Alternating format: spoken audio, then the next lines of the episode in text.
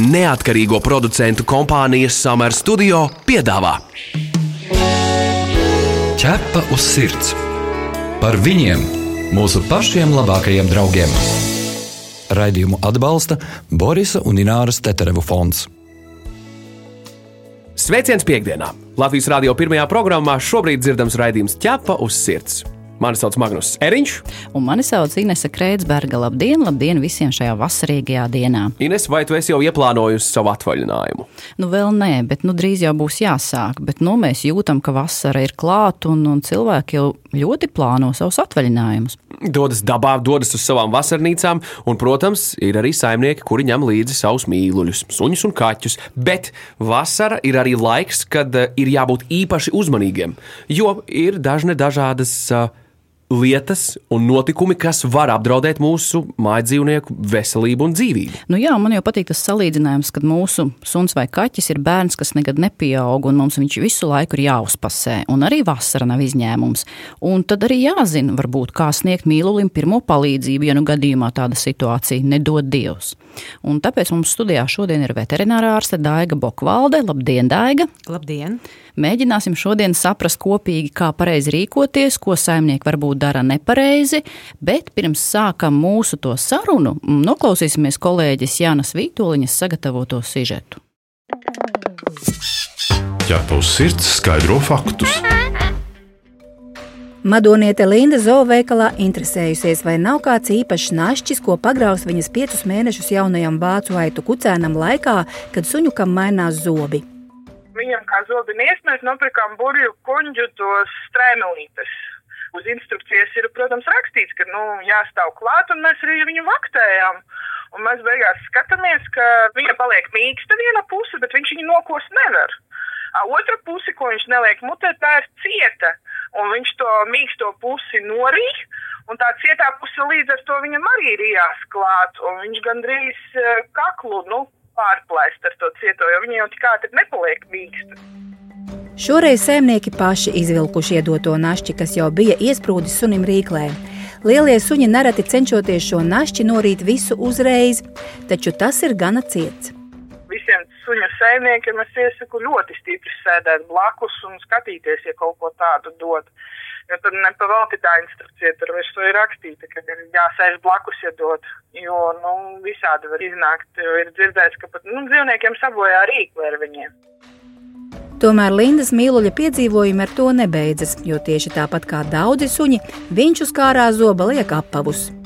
Tie saucamie krokši, kas mums ir visiem tik ļoti populāri, ir tā aizmugures siksniņa, kas ir tā kā krokšana, ko var aizlikt. Un viņš pa nakti bija nozitis man kroksi un to siksniņu apēdis. Vetārs ieteicis sekot suņa vēdera izējai, kā arī novērot, vai dzīvnieks nekļūst apātisks un ļēngans. Par laimi pēc dažām stundām apēsto siksniņu apavu grauzējs atvēmis. Antas ģimene nesen pārvākusies uz dzīvi pierīgā privātmājā ar norobežotu pagalmu. Tomēr arī slēgtajā teritorijā Antas gandrīz gadu vecais bērnes ganu suns pamanījies atrast nezināmas izcelsmes kaulu. Pirmā dīvainā pazīme, ka kaut kas nav labi, Alla žēdelīgais suns vakariņas atstājas neskartas. Meklēt tumsā pa pagalmu vai suns dienas laikā ir nokārtojies, neienācis prātā. Dienas klīnikā vēders sunim iztaustīts, taču rengens nav veikts, un nēšana novelta uz ērču izraisītu infekciju. Tikai nākamajā dienā, kad mīlos pat necēlies kājās, devušies uz citu klīniku, kur veikts rengens, bet pēc tam operācija.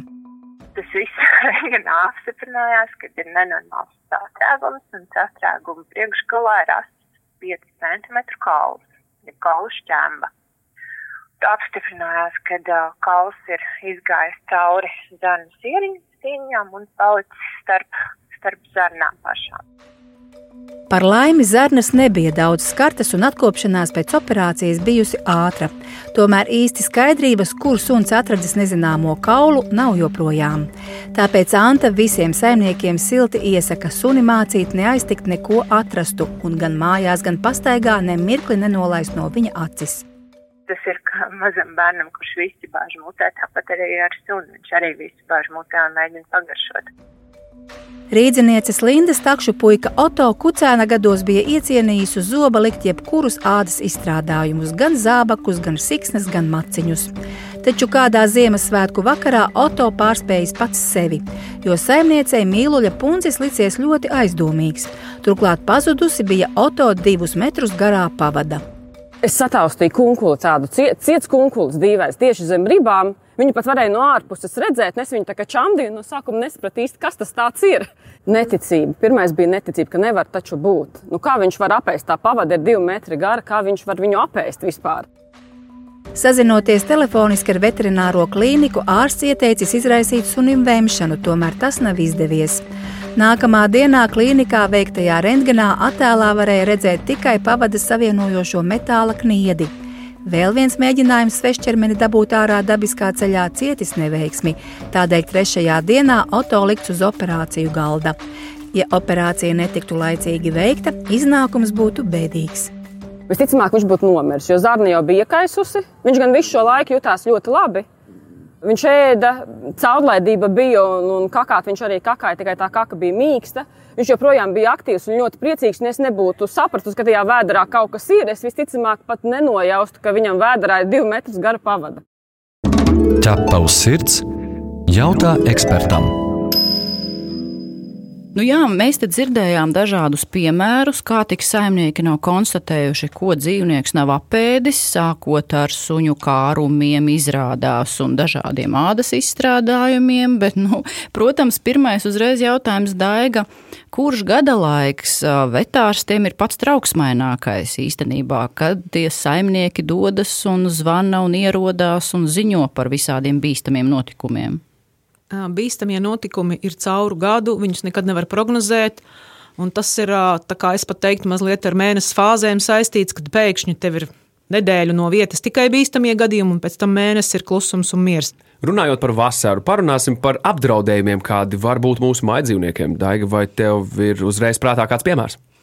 Nu, vasara ir vasara, protams, tur viss, kas notiek. Jo pirmkārt, ir ļoti gara tā diena, un viss kaut ko var sadarīt. Jo nu, ziemā tomēr rēķināt mums ir 4-5 stundas gaisma, visu laiku sēžam mājās. Vasarā gaisma ir 11 stundas, visu laiku kaut kur aktīvi darbojamies. Nu, protams, visvairāk ir visādas traumas, alerģijas, pārpeldēšanās, pārkaršanas, insektu kodumi, arī čūsku kodumi. Nu, pilns komplekts, vis, vis visādas lietas nāk pretīm. Skaidrs, ka tas ātrums un temps, kurā ir jāierakstās, ir ļoti svarīgs. Bet mirklī, ja mans mājdzīvnieks ir saindējies, kādas ir pazīmes un ko es varu uh, darīt, kamēr es dodos pie vetārsta? Nu, lielam, kāpēc jūs domājat, ka jūsu mājdzīvnieks ir saindējies? Tad man nākamais pretjautājums uzreiz Apēc būs. kādu augu vai kāds insekts viņam ir ticis klāt. Nu, viņš var apēst redzu, kādu viņš... augu, var apēst insektu, nekas no tā nebūs. Jā, mm. respektīvi, ja jūs redzat, ka jūsu mājdzīvniekam teks iekalas, viņš kļūst kaut kāds depresīvs, slikti jūtās, viņš atsakās ēst un dzert. Viņš vēmj, viņš streipuļo, nu tur nav nekādas pirmās palīdzības. Jūs ķerat suni un skrienat pie ārsta. Pirmā palīdzība ir tajā brīdī, kad eh, jūs tiešām redzat, ka, piemēram, jūs aizbraucat uz savu vasarnīcu un jūsu suns izēd žurku indi, ko jūs pagājušajā sezonā bijāt nolicis un aizmirsis. Un šeit tiešām ir pirmā palīdzība, līdz ar to visiem suņu saimniekiem būtu jāmāk izraisīt savam sunim vemšanu kas patiesībā ir diezgan vienkārši izdarāma. Varam izstāstīt? Jā, tas būtu. Jā, tātad vēmšanu var izraisīt ar divām ļoti vienkāršām lietām, kas gandrīz vienmēr ir mājasēmniecībā. Numur viens tā ir parastā sāls. Šo sāli taisa tādā kā putrā, nu, ja apmēram 3 ēdamkarotas sāls, tad 6 ēdamkarotas ūdens, un šo putru liek ar teikaroti sunim mutē, kamēr viņš sāk vemt. Nu, Parasti tur 3, 4, 5 teikrots maksimums viņš izvēmjās. Ļoti efektīvi, ļoti vienkārši. Suns izvēmjās, tad jūs meklējat doktori un vedat pie doktora tālāk. Otrs variants.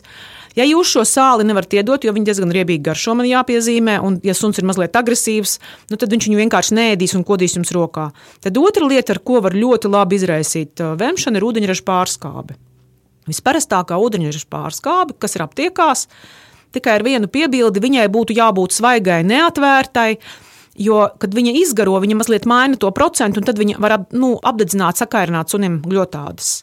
Un šo ūdeņraža pārskābi dod 1 ml uz kilogramu suņa, nu, respektīvi 20 kg suns, 20 ml pārskābes. Nogaidat 3-4 minūtes, dodat vēlreiz. Parasti pēc otrās reizes gandrīz visi vēmji. Tādiem ēdelīgiem suņiem es pat varu ieteikt šo ūdeņraža pārskābi sajaukt, piemēram, izkausētu saldējumu, balto vai iebiezināto pienu. Viņš vienkārši kā gardumu apēdīs un izvemsies. Bet ir arī tādi gudrinieki, kas dod sunim vai kaķim cilvēkiem paredzētos medikamentus. Tad uzreiz jautājums, ko vispār drīkst un ko nekādā gadījumā. Es esmu piemēram dzirdējis, ka sunim paliek slikti ar sirdi un viens gudrinieks viņam korvalolu dod. Tā kā nu, tomēr noteikti ir dažādas cilvēku zāles, kuras var un kuras nevar dot. Es palielam labāk teiktu, ka nevar dot neko, jo, ja es pasaku, ka kaut ko var dot, tad parasti to kaut ko neviens neatcerās, bet dot to, ko viņš pats ir izdomājis. Ir divi, divi medikamenti, kurus es tā kā bez ierobežojumiem īpašiem var atļaut lietot. Viens ir aktivētā ogle, kur nekādu ļaunumu nevar nodarīt, un otrs ir, ja sunim ir alerģija un jūs uzreiz nevarat tikt pie doktora, ir tavagīls, kas ir bezrecepšu medikaments. Bet arī tad tomēr ir jāzina, kā šo tavagīlu dozēt. Bet to es parasti cenšos izstāstīt personīgi katram saimniekam, jo nu, tiešām cilvēkiem ir tā, viņš kaut kādu vienu vārdu dzird, tad viņš tur pats tālāk interpretē, ko viņš ir dzirdējis. Un, ja es viņam teicu, ka var dot cilvēku zāli, tad viņš var uzskatīt, ka var dot gandrīz visu. Un visbriesmīgākais ļaunums, protams, nu, ceļās no ibumetīniem, diklofenakiem. Nu, arī ar sirdzālēm, tur, protams, ir jā, jābūt ļoti uzmanīgiem. Nu, es teiktu, tā bez saskaņošanas ar ārstu labāk tomēr aktivēto ogli droši varat dot. Es uzreiz iedomājos, kas varētu būt no tādiem pirmās palīdzības medikamentiem, ja mēs redzam, ka sunim vai kaķim ie, iekož kāds insekts. Ir redzētas dažādas bildes, kur piepampuši suņiem vaigi, ir, ka viņi biti ir nu, nu, apēduši. Kā rīkoties saimniekam, jo skats ir briesmīgs? Pa lielam tas skats ne tikai ir briesmīgs, bet tur arī tas viss kopā ir diezgan traģiski, jo tas suns kliedz, jo viņam sāp tas skodiens, skodiens ir sāpīgs. Un pārbīstās, un šausmīgi pārbīstās saimnieks, pārbīstās suns, kaķis parasti nekliedz, viņš nekādu nereaģē. Respektīvi, pa lielam, ja viņam iekož viens insekts, nu tur nekas briesmīgs visdrīzāk nenotiks. Uzpams, paraudās kādas desmit minūtes, un pēc pusstundas jau aizmirsīs, ka viņam vispār kas ir iekodis. Problēma ir divos gadījumos. Ja tie insekti ir vairumā, nu, respektīvi, piemēram, bites uzbrūk vai lapsenes uzbrūk, vai arī suns ir ļoti mazs, vai viņam ir kaut kādas ļoti spēcīgas alerģiskas reakcijas. Nu, tie ir diezgan reti gadījumi, un arī tad tur nekāda īsta pirmā palīdzība nav. Bet, nu, ja ir viena bite vai viena lapsena iedzēlusi jūsu sunim, un viņš tur ir tāds nelaimīgs, un viņam pamstas purns, Nu, tad es atļauju dot tavegīlu, apmēram rēķinot, ka viena tablete tavegīla iet uz 20 kg suņa. Runājot par mums visiem labi zināmajiem zooveikalu kārumiem, mēs sižetā dzirdējām, ka suns aizrījās ar buļļu kuņu gabaliņiem. Cik bīstami ir šie zooveikalā iegādājamie kārumi? Patiesībā aizrīties var ar jebko. Un aizrījās gan ar šiem zooveikala kārumiem, aizrījās ar kauliem, visbiežāk ar bumbiņām aizrījās aizrijās ar bumbiņām, jo viņām ir tāda forma, ka ar viņām vieglāk var aizrīties kā ar visu citu. Ar ēdienu aizrijās arī īgie suņi, līdz ar to, ja jums ir rīks suns, ļoti kontrolējiet, ko jūs viņam dodat. Jo Nu, respektīvi, viņš neizanalizē, paņemot mutē kāruma gabalu, vai es viņu norīšu vai nenorīšu. Viņš vienkārši rīk. Jo viņš zina, ka viņš norīs šito būs nākamais. Un aizrīšanās ir bīstama ar to, ka patiesībā tajā brīdī jums absolūti neviens nepalīdzēs, jo tur ir jums trīs minūtes laika. Viss, vairāk laika jums nav. Jūs neaizvedīsiet ne uz vienu klīniku savu aizrījušo suni. Nu, es domāju, tāds, kurš ir aizrījies nopietni. Bet tagad iedomājieties to cilvēku, kurš to visu noskatās. Nu, ko var darīt? Varbūt viņš var sākt kratīties kājām. Es nezinu, ko. Tā jau arī dara. Tīri intuitīvi tā jau arī dara. Bet nu, aiz kratītais kājām var līdz 20 kg suni. Lielāku suni nevar pakratīties kājām, jo vienkārši to fiziski nevar izdarīt.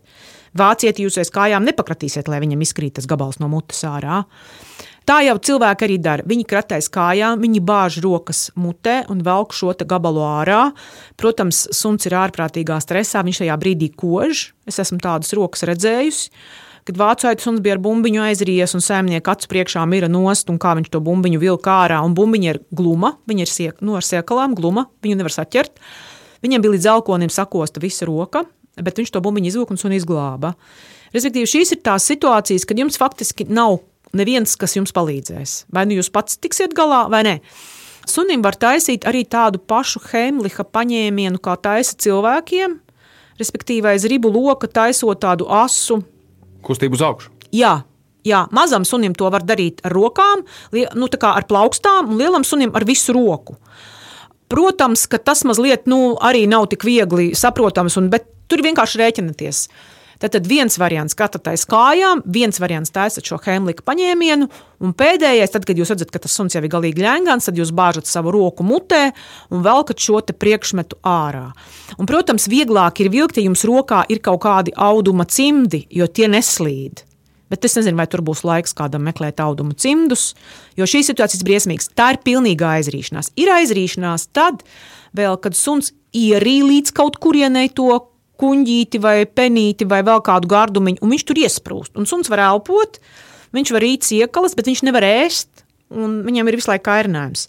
Tad tā situācija, protams, ir daudz labāka, un tad jūs ejat pie ārsta, kamēr viņš nokonstatē, kur kaut kas ir iesprūdis, kas to visu izvilks, bet tur nav šie momentālie nāves draudi, tur var palīdzēt sunim. Ķepa uz sirds, suņu būda. Atgādinām, ka pie mums studijā šodien ir veterinārā ārste Daiga Bokvalde, un mēs runājam par pirmo palīdzību dzīvniekiem tieši vasarā. Un, ja jums rodas vēlme noklausīties kādu no ķepos sirds radio pārraidēm, varat to klausīties arī podkāstu formā populārākajās straumēšanas vietnēs, kā arī šis raidījums ir pieejams Latvijas radio arhīvā. Mūrāģam ķepos sirds! Mēs jau sākām runāt par vasaru un ūdeni un pārkaršanu. Ko saimnieki dara nepareizi, atvēsinot suni? Jo es esmu dzirdējis, ka nedrīkst karstā laikā mest suni iekšā augstā ūdenī, bet kā tomēr to ūdeni varbūt tās aplaistīt vai apsekt ar kaut ko vēsu? Kā nu, labāk darīt? Mēs tā kā runājam par pārkarstušiem suņiem, jeb vienkārši par peldēšanos. Es domāju, ka cilvēki nu, redz, kad ir karsts laiks, nu, viņi redz, ka suns elso, viņam ir karsti, viņi mēģina kaut kādā veidā atvieglot suņa stāvokli un iespējams dara nepareizi. Nu, kopumā ir tā, ka, ja suns ir pārkarsis, tad viņu tiešām ir maksimāli ātri jāatvēsina. Un viens no vislabākajiem veidiem, kā viņu atvēsināt, viņu ir vai nu viņam liet virsū ūdeni, vai nu viņu mērcēt ūdenī. Un, ja suns ir pārkarsis tā, ka nu, viņš tā nopietni ir pārkarsis, kādas pazīmes? Nu, siekalojās, nevar rīt siekalas, šausmīgi izvalbītas acis, ļoti gārdzoša elpa. Uh, Ja ir pie rokas termometrs, tad mērot temperatūru ir pat līdz 41,5 temperatūra. Tas skats ir briesmīgs patiesībā. Viņš ir briesmīgs. Un, ja man tāds ierodās klīnikā, tad es viņu vienkārši lieku tur, kur ir ūdens šlauka, vai nu dušā, vai ārā, kur ir šlauka, un es viņam vienkārši leju virsū ūdeni. Pamīšu leju uz ķermeņa, uz galvas. Uz ķer... Kāds pa to šlauku ūdens tek, tādu es arī viņu leju. Jo tur ir tik īstas laiks, lai viņu glābtu atkal. Protams, Te ir runa par nu, ekstremāli pārkarsušu dzīvnieku, kam jau ir karstuma dūriens. Ja mēs runājam vienkārši par sakarsušu suni, nu, tad, protams, ir bišķiņi maigākiem visiem tiem, tiem pasākumiem jābūt. Jo principā dzīvoklī, dzīvoklī suns var pārkarst. Jā, var pārkarst suns, var pārkarst it īpaši brachiocefāls suns, respektīvi tie īsie deguntiņi. Tie tiešām var pārkarst, čau čau var pārkarst. Ja, tie, kas man ir vēsti no dzīvokļiem, pārkarstuši, tie visi ir bijuši vai nu brahiocefāļi, vai nu kaut kādi, nu, nu čau, čau, man ir vēsti. Jā. Bet kaķi nē. Bet tā kā atvēsina, man kaķus ir žēl, viņi rāpo nabaga pa to grīdu un nu, nu, pie ventilatora likt. Principā, jā, kaķim var likt ventilatoru, bet kaķis ļoti labi māk karstumu. Viņš, viņš aiziet pats un atrod uz grīdas kaut kādu vietu. Nu, kaķiem tā tiešām nav ne tuvu tāda problēma kā suņiem, ne tuvu tāda problēma. Tu patiesībā atviegloji manas reizēm ļoti lielās jā, stresa pārdomas par to. Manā dzīvoklī ir tāda temperatūra, logus netur vaļā, jo tad, kad es pats neesmu tur uz vietas, lai mans dzīvnieks nepieļauj uh, instinktu vadīts kādu kļūdu. Nē, tas var... ir pareizi, ka tu neturi jā, jā, jā, jā, jā. tur kaut Tieši tā, tāpēc viņš tur var izlikt un iesprūst, un, un mazums un visādas problēmas var radīties. Bet es tiešām, es visu dzīvi, kopš man ir kaķis, katru vasaru, es viņam pirms es gāju projām, es izklāju slapju lupat uz, uz vielīti. Kur? Nu, viņš reizēm tur gulēja, reizēm nē. Tad es viņam klāju virsū karstajās vasaras naktīs, un tad viņš gulēja. Daiga. Kāda klausītāja mums stāsta, ka viņas sfinksas kaķi vasarā iesauļojas brūni. Vai tas ir kaitīgi, vai, vai tomēr nē? Un kā ar SPF aizsargkrēmiem ir jēga likt tādu kaķim virsū, vai arī nē, jo viņš jau laizās. Pa lielam ir tā, ka viņas brūnus es neesmu redzējis, bet viņi tādi zili violeti iesauļojās. Tiešām iesauļojās. Un jāsaka, arī tādu situācija, ka man atnestu apdegušu kaķi, nu, respektīvi, ka viņš ir pārsauļojies. Es neesmu redzējis, jo es arī domāju, ka šis kaķis tomēr izvairās. Nu, viņš tur tā paguļ tajā saulītē, bet tam viņš noiet malā. Gluži, ja viņš atkal nav kaut kādā būrī izlikts saulē, kur viņš nevar izvairīties. Bet sfinksi tiešām teorētiski var apdegt, jo viņiem nav aizsargāta šī āda ar, ar, ar apmetojumu. Un viņus iesaka klāt ar ap- pretapdegumu šiem kremiem, losjoniem. Bet ir tāda arī dzīvniekiem, vai tad paredzēta? Vispār ir pieejami dzīvniekiem, bet uh, tad ir jāmeklē Rīgā, kas viņus tirgo. Nu, ļoti mazs pieprasījums, protams, cik tad mums tās saulainās dienas un cik tad mums to sfinksu kopumā ir. Jo viņi taču nolaiza to krēmu. Jā, bet nu, es domāju, tā, ka jūs viņu varat uzklāt, un tad, kad viņš beidz to saules peldi, jūs varat mitrudielu noslaucīt. Un ir pieejami dzīvniekiem speciāli, un izmanto arī maziem bērniņiem, bebīšiem domātos losjonus, jo tie ir kā, nu, nekaitīgāki ķīmiski. Bet uh, jā, to smērē, un arī tiem sunīšiem, kas ir Ķīnas cekulainie un, un Meksikas kailie suņi, arī ir ieteicams. Bet vislielākā problēma ir balti kaķi ar baltām ausīm un rozā ādu. Un, respektīvi, tie kaķi, kam ir balts apmetojums un apakšā zem tā nav zilgana pelēkā āda, bet rozā āda. Tad šiem kaķiem, ja viņi dzīvo ārā, viņiem var veidoties tāda specifiska vēža forma ausīs. Viņa ļoti izplatīta ir tajās valstīs, kur ir nu, daudz tās saules. Tuvāk ekvatoram. Jā, bet ir arī Latvijā. Es katru gadu redzu vismaz vienu kaķi, kuram ir šīs te. Viņš tā kā sāk čūlot tās austiņas, izskatās tā kā traumētas, kā nosaldētas, kā nevar saprast, kas ir viņā. Patiesībā tas ir tāds vēža veids, kas radās no saules tieši balto kaķu ar ādu ausīs. Tam jāsako līdzi ar saimniekiem. Mēs arī, protams, saņemam dažādas vēstules, un, un vairākās saimnieki mums tā pilnīgi lepnumu stāsta, ka kaķis, kas dzīvo ārā, ķer putniņus un pelītes un nes, un tā rāda, tas viss ir skaisti, tās ir dāvanas saimniekam. Cilvēki ar kaķi arī bučojas pēc tam, tas ir nu, uz katra saimnieka sirdsapziņas, bet vai tomēr tajā pelē vai putnā nevar būt kāda baktērija vai pat inde? Nu, varbūt cilvēki neaizdomājas tik tālu, bet ja viņš apēd, mēs jau nezinām, ko tas peļuks Nu, vai putns ir saprast, ko apēdis. Tas, uh, ko, ko tas putniņš ir apēdis vai peļuks, vispār nav iespējams. Bet nu, lieta ir tāda, ka tas indes daudzums, cik ir tajā mazajā putniņā vai pelē, nu, gandrīz nekad nevar būt bīstams kaķim, jo tomēr nu, viņš svars pret svaru. tā kā Ir tā, ka tas ļoti mazs svars tomēr ir. Bet uh, ar to, ko viņi tur ēd, ar tiem putniņiem un pelēm, protams, viņi uzņem vairāk parazītus kā tie kaķi, kas nēd.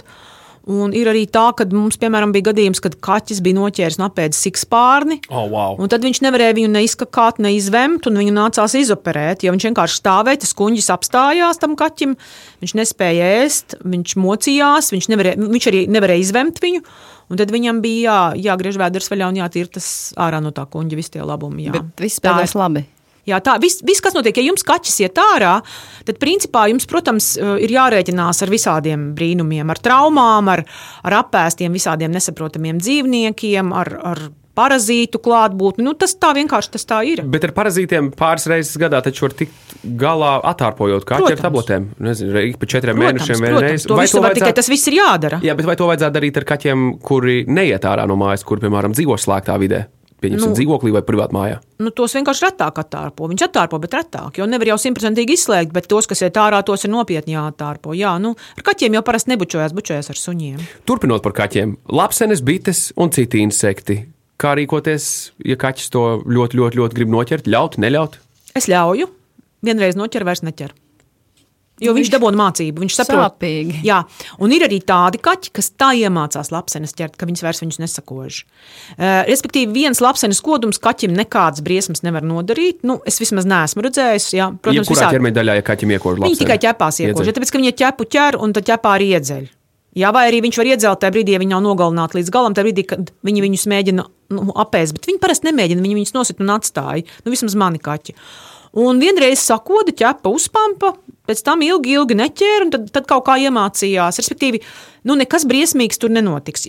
Protams, ja nav runa par kaut kādu lapseņu midzeni, kurš tiks izkustināts, izārdīts, un tad viss tas dusmīgais lapseņu bars metīsies tam vienam kaķim virsū. Bet nu, tomēr vēl par tām lietām, ko kaķi vai suņi noķer un apēd. Mums bija um, klausītājs jautājums, um, kad viņas suns um, ķerot kurmjus un apēd. Nu, Nekādu nāvējošu slimību, es domāju, no kurmja dabūt nevar gan. Bet nu, varbūt šis variants, ka, ja ir vairāki kurmji, ka nevar sagramot, nu, kaut kādus parazītus droši vien arī no kurmiem var dabūt. Jo tā plējāde, ko tik tie suņi un kaķi nav apēduši, ir milzīgi gara. Piemēram, kaķis norījis atlasa lenti metru garu. Suns apēdis ceļmalā atrastu zīlītēm domātu speķi ar visu drāti.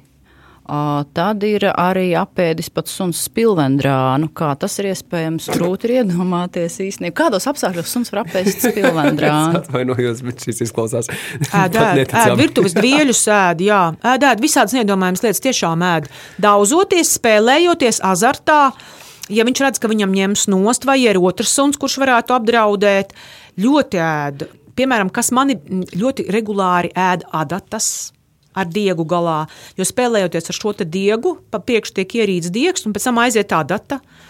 Nu, vismaz gadā vienu es redzu, kam ir adata kuņģī, kapeiku bija kaķis apēdis. Nu, tā kā viens santīms tik liela. Nu, kā var kaķis apēst kapeiku, tas man likās tiešām dīvaini. Matu gumijas ļoti ēd, dzēžgumijas ļoti ēd. Nu jā, un ar to ēšanu ir tā, ka tuvojas taču visādi vasaras prieki un jāņu laiks, kad daudzi cep šašlikus un sierus un visādus labumus, un kur labumi tur arī mūsu mīluļi klāt. Ar bēdīgām atšķirībām skatās, kaut arī ir pēduši, jo negausīgi gribas turpināt uh, iepriecināt sevi kulināru, vai ne? Kāpēc ir svarīgi nedot viņiem ceptu gaļu? Kāpēc ir svarīgi nedot to, kas mums ir uz galda? Nu, drīzāk es- tas jautājums tāds, cik bieži varbūt ir sastopama šī saucamā kuģa sagriešanās sunim. Jo šašlika sakarā mums tieši bija viens klausītājs, kas teica, ka viņa suni vajadzēja vest uz operāciju galda, jo ciemiņi bija sabarojuši ar šašlikiem. Nu, no tā, ka jūs sabarosiet ar šašlikiem, var notikt ļoti daudz problēmu. Sākot no ļoti smaga zarnu, aizkuņa dziedzera iekaisuma, um, gastrīta lēkmes. Nu, kuņģa sagriešanās tā būs šķirnēm, kas ir predisponētas uz šo problēmu. Bet, respektīvi, tā nelaime jau ir tā, nu, kad nekad jau nevar zināt, cik tie gabaliņi tiek iedoti. Un tiešām, ja tiktu iedots Sambernāram viens gabaliņš šašliku, tad nekas jau nenotiktu. Parasti šis nav viens gabaliņš. Un es teiktu, tur ir divas problēmas. Viena lieta ir ļoti daudz ciemiņu, kuri grib tādā veidā iedraudzēties ar suni, vienkārši iedraudzēties. Vai arī, ja ēdiens ir nepieskatīts, un suns vienkārši pats pieņem lēmumu piesties, cik viņš grib. Nu, tad, jā, tad ļoti ne- nepatīkamas, dārgas un nepatīkamas sekas tam visam var būt. Līdz pat nu, tā kā jā, suņa zaudēšanai. Par to kuģa sagriešanos. Kuģa sagriešanās pa lielam ir, ir ģenētiska predispozīcija konkrētām šķirnēm. Top šķirnes ir visi lielie giganti, sambernāri dogi, vācu aitu suņi, veimārieši, dobermaņi, bloodhoundi. Nu, jūs varat barot, nu, es nezinu, spanieli ar šašliku, un viņš, viņam nesagriezīsies kuņģis. Bet Viņš kā- dabūs pankreatītu vai vienkārši smagu enterītu. Bet kādas ir pazīmes, pēc kā saimnieks var saprast, ka tā ir kuģa sagriešanās un jābrauc pie ārsta? Suns tā kā mēģina vemt, bet nevar izvemties. Viņam strauji palielinās vēdera apjoms. Viņš kļūst ļoti depresīvs. Tas viss notiek ļoti ātri, stundas laikā. Tas suns tā kā samainīts, viņam paliek ļoti strauji slikta pašsajūta, ļoti dīvains vēders, tāds tā kā liels. Un viņš mēģina tā kā klepot, kā vemt. Un tad ir jāskrien pie ārsta. Tu esi mans draugs, ķepa uz sirds. Lūk, ļoti daudz informācijas, kuru piefiksējiet un atcerieties un rīkojieties atbildīgi pret saviem mājdzīvniekiem, ko esam pieredzinājuši. Pret tiem arī tā jātiecas. Jā, tā kā savs vetārsts un, un, un idejas par pirmo palīdzību mums katram ir jāzina. Tā kā paldies Daigai, Daigai Bokvaldei šodien, kas bija pie mums studijā. Paldies par uzaicinājumu un nomē- novēlu klientiem un pacientiem mierīgu, netraumatisku, piedzīvojumiem bagātu vasaru. Visur kopā - ķepa uz sirds. Mēs varētu parunāt, Magnus, ko mēs nākamā nedēļa dzirdēsim. Tas tiesa, nākamajā raidījumā mēs runāsim par visu par un ap huskijiem. Cik daudz iekrīt uz huskiju skaistajām zilajām actiņām, domājot, ka nu, šis būs tas īstais un vienīgais suns. Bet ko bieži cilvēki nezina par šo sarežģīto suņu šķirni un kāpēc huskijs nav suns ikvienam par to pēc nedēļas? Jā, par to mēs arī diskutēsim ar Haskiju ekspertiem, uzklausīsim dažādus stāstus un arī ieteikumus. Tā kā tiem, kam interesē Haskija, lūdzu, pieslēdzamies. Bet tas viss nākamnedēļ. Šajā raidījumā tas ir viss. Mani sauc Inese Kreitsberga. Mani sauc Magnus Eriņš. Raidījumu veido neatkarīgo producentu kompānija Summer Studio. Visu labu! Atā! Ķepa uz sirds. Informatīvi izglītojoši raidījums par dzīvnieku pasauli un cilvēkiem tajā. Raidījumu atbalsta Borisa un Ināras Teterevu fonds.